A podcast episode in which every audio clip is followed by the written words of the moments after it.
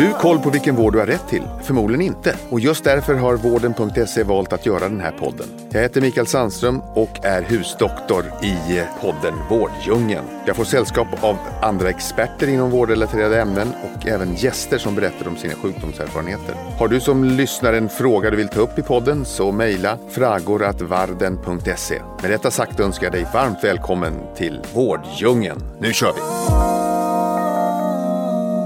Hej alla lyssnare och varmt välkomna tillbaka till den här podcasten som heter Vårddjungeln och som leds av mig, Staffan Gustafsson. Vårddjungeln görs på uppdrag av vården.se och syftet med den här podden är att gräva oss in i vårdens värld. Belysa olika sjukdomar och inte minst vilken vård har man faktiskt rätt till. Idag ska vi prata om någonting som jag har förstått är väldigt vanligt, nämligen IBS eller Irritable Bowel Syndrome, som det egentligen heter. Och med mig i studion har jag min absoluta favoritdoktor, Mikael Sandström. Tack för dessa vänliga ord. Ja, det är kul att vara här. Ja, härligt. Är det bra med dig? Ja, det är alldeles prima. Ja. Du, eh, idag ska vi prata om IBS. Eh, men vad är det egentligen? Det är världens vanligaste sjukdom. Jaha. Ja, över 900 miljoner personer har bekymmer med IBS. Och nu pratar vi om Irritable Bowel Syndrome. det finns ett annat IBS när man pratar om inflammatoriskt, inflammatory Okay. och med ulcerös kolit och Crohns sjukdom. Och så. Det är inte det vi ska prata om idag utan idag är det eh, IBS. Men du, och vad är det för symptom man ska hålla utkik efter som, är, som blir så besvärande om man har IBS? För jag, jag har förstått att det är ganska jobbigt att ha det. Ja, det, det är eh, blandade symptom och det är lite grann en uteslutningsdiagnos. Men Aha. det typiska är en uppblåsthet, man känner sig uppkörd, känner sig gasig, man har omväxlande hård avföring och lös avföring. Eh, Det finns ett gäng kriterier för att man ska kunna ställa den här sjukdomsdiagnosen.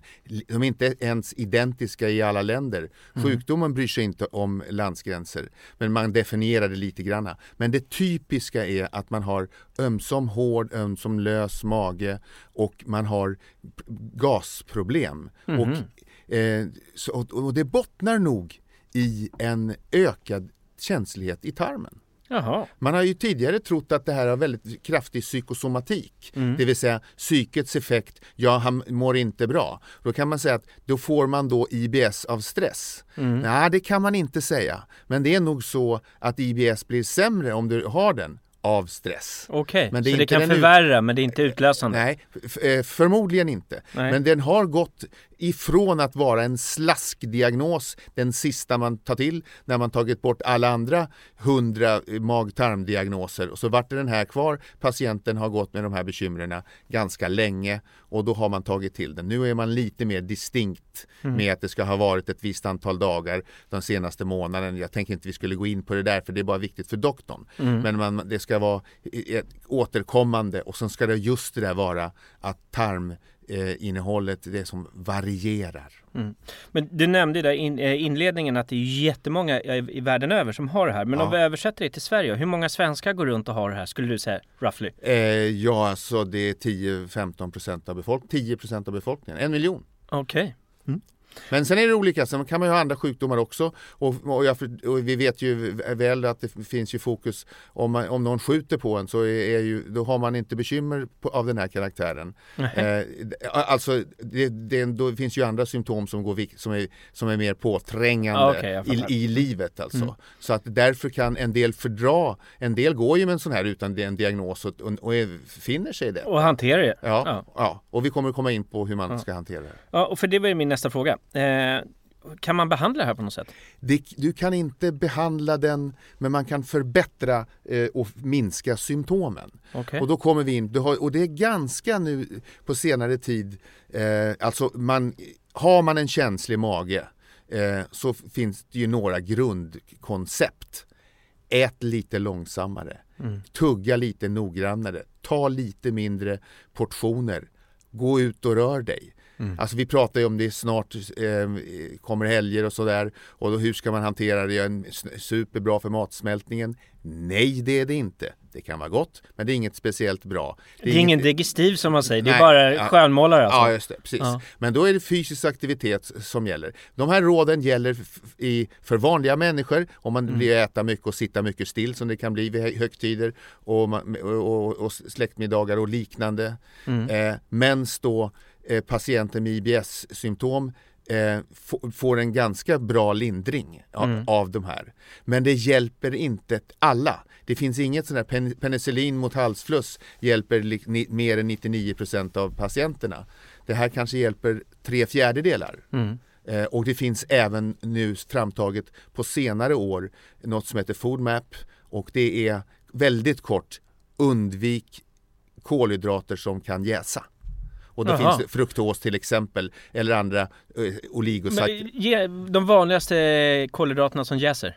Eh, Pasta eh, eller? Eh, nej, men det värsta är ju eh, bönor, lök, kål, vissa baljväxter, avokado. Ah, okay. och, och sånt, det där är det, det som man bör undvika. Men sen så är det ju, alltså, ja men käka fibrer då. Fibrer kan ge en hel del gaser. Det är mm. inte alldeles, alltså fibrer är bra, det vet vi. Det ökar volymen på tarminnehållet. Det får eh, tarmen att sköta om eh, transporten framåt mycket bättre. Men har man en tarmsjukdom inklusive IBS, även andra tarmsjukdomar, mm. kanske inte mår bra av jättemycket fibrer. Utan där får man känna sig fram. Och det där tycker jag det är lite skoj för att jag eh, många gånger frågar man hu, doktorn hur man mår. Eller, och, och, det är ju väl trevligt men, men ta reda på det själv vad det är som funkar. Mm. Eh, att man, en, någon kanske fördrar mjölkprodukter och kan dricka eh, mjölk, någon annan kan det inte. Och så vill man ha, sätta någon, någon hatt eller någon diagnos över allting. Det, det kanske man inte ska behöva göra utan mm. det viktiga är att under kontrollerade former ta, pröva ett en, ett födoämne i taget och sen tro och sen så köpa det resultatet som man själv upplever, mm. inte vad någon annan tycker. Mm. Så det, det, är den springande punkten. Men just det här som jag har pratat om, de olika tipsen, hjälper 75% Är det farligt att ha IBS? Nej, det är inte förenat med några andra riskfaktorer eh, eller att det utvecklar sig eller att det blir cancer eller att det blir inflammationer eller sånt där, utan det är bara besvärligt. Eh, kan man säga på det hela taget. Men det är alltså det som man ska veta, det är en ökad känslighet. Mm. Det finns ju sådana eh, till andra tillstånd. Migrän anses vara en ökad känslighet för yttre stimuli och kärl och nerver har en överreagerar till exempel mm. vid migrän mm. eh, som är någonting helt annat. Men det finns ungefär 10% av befolkningen som har det. Och lika så här är det en ökad känslighet för till exempel då gasbildning. Mm. Det är ju rätt spännande det här men alltså man kan ju operera till exempel en blindtarm då i lokalbedövning. Lite bedövning behöver man för huden och så får man eh, och sen så kan du skära i tarmen. Det gör inte ont. Mm. Du, har, men, du har inte eh, smärtreceptorer, men du har sträckreceptorer. Mm. Så dra i tarmen och patienten spyr direkt. Mm. Min, min, mormor, nu lever inte hon längre, men hon hade ett ordspråk som hon sa eh, och det var ju alltid att du ska alltid låta din bakdörr öppen stå så slipper du till doktorn gå. Mm. Kan hon ha haft IBS alltså? Eh, ja, hon kan ha släppt mycket fjärtar. ja, det gjorde hon faktiskt. Eh, eh och, och, sådär, och det är ju alldeles bra. Jag läste nyligen i Aftonbladet senast igår tror jag, det var en tjej som var så generad för sin kille att hon inte ville släppa sig så hon har inte släppt sig på två år. Och det var ju naturligtvis trams. Eh, utan även både jag och kungen, eh, inga liknelser i övrigt, eh, släpper oss. Det är alltså bra. Vi släpper oss då kanske 15-20 gånger per dag, mm. minst. Mm. Och de flesta luktar inte. Nej. Men för att uh, inte nu fokusera bara på fisens nej, innehåll, nej, utan men den spänner ut tarm och det är besvärligt. Mm. Och det rör sig fram och tillbaka och påverkar peristaltiken, alltså rörelse, tarmrörelserna framåt. Så att eh, man, tipset är ju då förstås att man ska eh, släppa sig. Sen finns det ju andra tillstånd för äldre kvinnor till exempel när man är inkontinent helt enkelt. Mm, mm. Och, då, och då står bakdörren öppen. Och det är inte däremot så kul. Nej, nej. En annan fråga om IBS då. Är, är det vanligare bland kvinnor eller män eller är det jämnt fördelat? Det är ganska jämnt fördelat. Det, beror, det är, mycket handlar om hur man upplever det. Så att det är, eh, men något annat intressant vad det gäller demografin och sånt så att det debuterar sällan efter 40 år. Då mm är det mhm. någonting annat. Okej. N- Vilken är det vanligaste åldersspannet när det här debuterar? Mellan 10 och 40.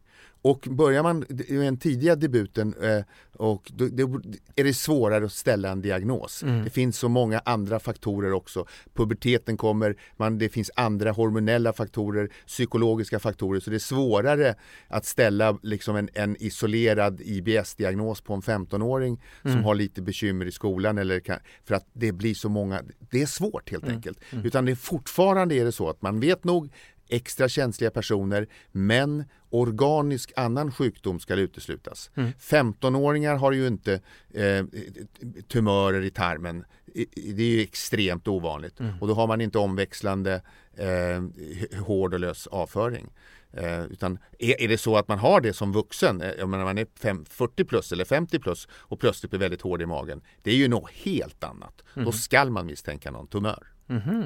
Om man nu känner igen sig av det här du berättade, eh, när är det dags att söka akut hjälp eller när ska man, hur ska man ta sig vidare med det här om man känner igen sig i det här? Ja, akuthjälp är något helt annat. Ja. Då finns det några eh, kriterier. Till exempel att man får en oerhört plötslig smärtdebut från att inte eh, ha mått dåligt. Jättemagknip typ eller? Ja, typ det. Ja. Då ska man söka akut. Eller om man kräks kaffesump ehm, eh, eller hittar något, eller blod som man också då kräks. Ja. Då, då är det inget man ska vara hemma och dröja med utan då söker man akut oavsett tidpunkt. Mm.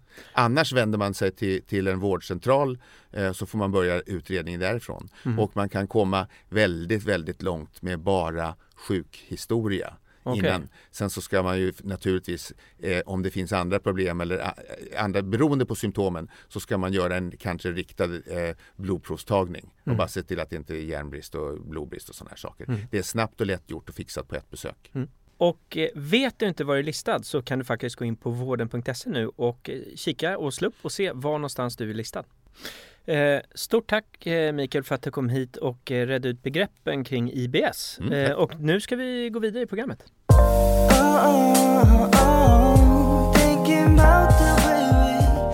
Jag hoppas att Dr. Mikael kunde reda ut ett och annat kring EBS så att ni precis som jag har blivit lite klokare på vad det innebär och hur man kan lindra besvären.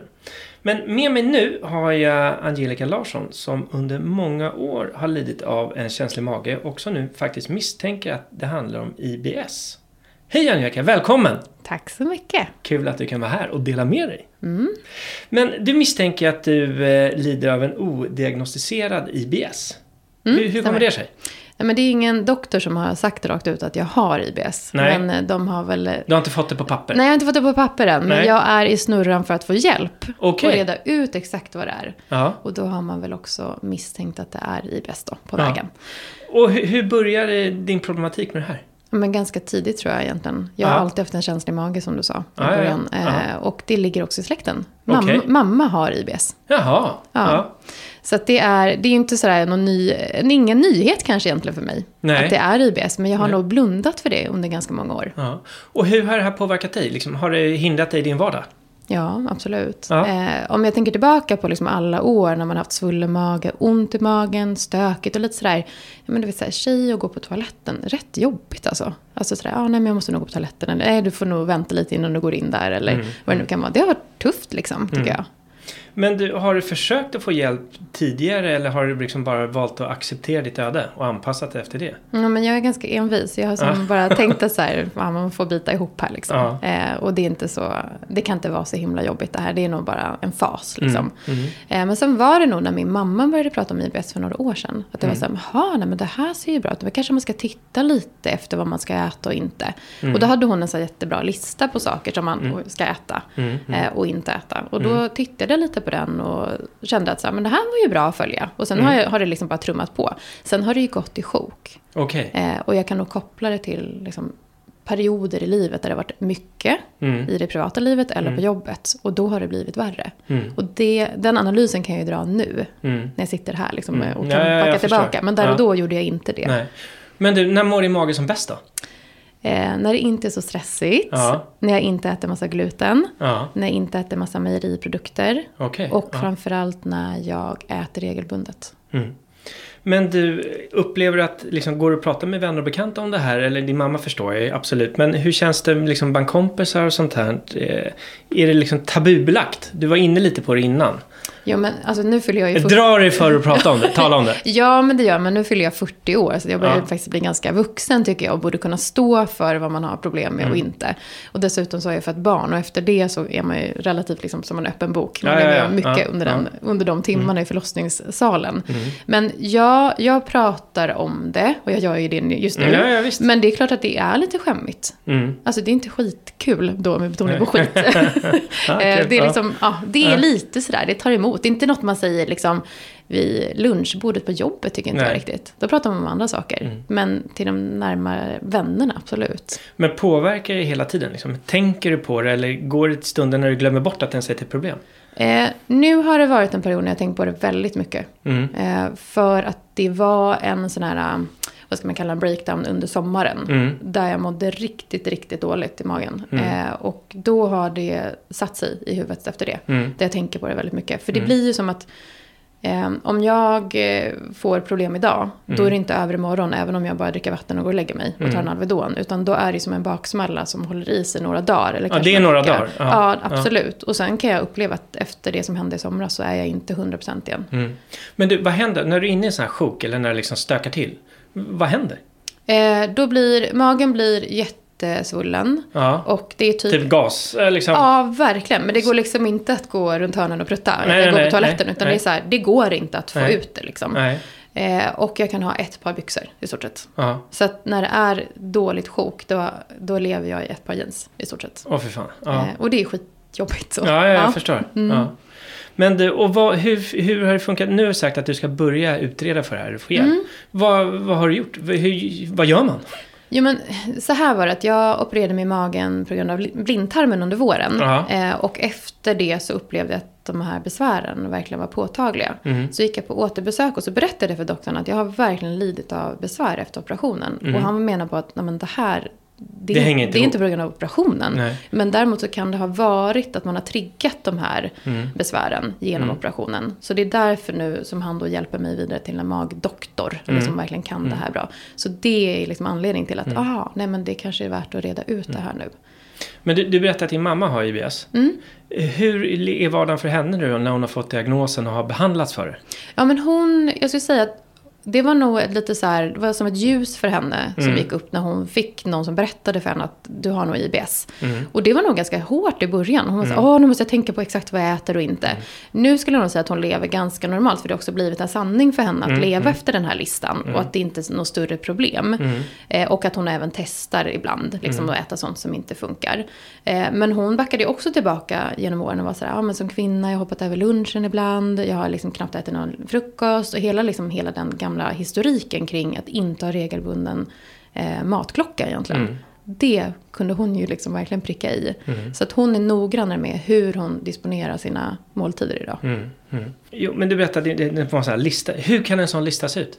Eh, ja, Vad finns det på den listan? Ja, det är en bra fråga. För det kanske ser olika ut för alla personer. Ja. Och eftersom jag inte har fått det är min lista. anpassad individuellt liksom. Jag tänker att det kanske Ja. är så, men Ja. jag tror att det finns vissa eh, ingredienser eller saker som är triggande för de flesta. Typ lök, Mm. bönor, linser, Mm. kikärtor. Så typexempel. Mm. Eh, förkryddad mat, eh, Mm. vissa sådana grejer. Och det är ju sånt som hon har plockat bort. Mm. Och jag kommer inte ihåg, det är, så här, det är blåbär, då ska man äta kokade blåbär eller inte. Det är något som den ena Ja, triggar och den andra Ja, stoppar. fattar. typ. Ja. Eh, Ja. Så att eh, den, den har funkat för henne och den, samma sak kanske inte funkar för mig. Mm. Men det finns ju de här listorna, man kan ju googla på det. Och så finns det listor med exempel. Och de sakerna har jag ju försökt under den här perioden nu att ta bort. Och det blir ju mer stabilt då. Men det, det är säkert många som lyssnar på det här som är i sån situation som du har varit tidigare. Att man har problem men man kanske vet inte vad det är. Vad, vad är dina bästa tips till dem för att de ska få en lugn och harmonisk mage? Ja, men jag, som med allt annat så tror jag att man sitter på de flesta svaren själv. Har jag jättestökigt privatliv eller på jobbet så Mm. är det ju förmodligen triggers. Mm. Ehm, och man kan ju förneka att nej men det är inte så mycket. Men när man sätter sig ner och funderar så kanske man kommer på att det är Mm. det. Mm. Eh, Äter man till exempel väldigt mycket bönor och väldigt mycket lök så kanske det är värt att testa att inte göra det en Mm. period. Eh, och man kanske går igenom en sån lista eller testar olika saker som kan vara triggers. Men sen har jag ju upplevt då, jag vet inte om man får nämna så läkemedel, men det finns ett, Kör vind! ja, Silicea Ja. äter jag när det går åt fel håll. Och det, är, det har stoppat mig från att åka typ in akut. Men du, om du ska kolla, för nu har ju du laborerat själv och tagit bort vissa saker. Vad har varit den största boven i dramat för dig? Eh, stress tror jag. Det är stress. Ja, Mer och- än kosten. Ja, för jag har periodvis varit ganska duktig på att äta bra. Ja. Givet att jag var laktosintolerant när jag var liten. Mm. Eller väldigt, väldigt känslig för laktos. Och har förstått med åren att gluten inte är bra för mig. Mm. Så jag har varit ganska noga med att ha käkat. Men i tider av stress är jag inte noga. Mm. Och då stoppar jag i mig vad som helst. Mm. Eh, Så det, är- det är min största utmaning tror jag.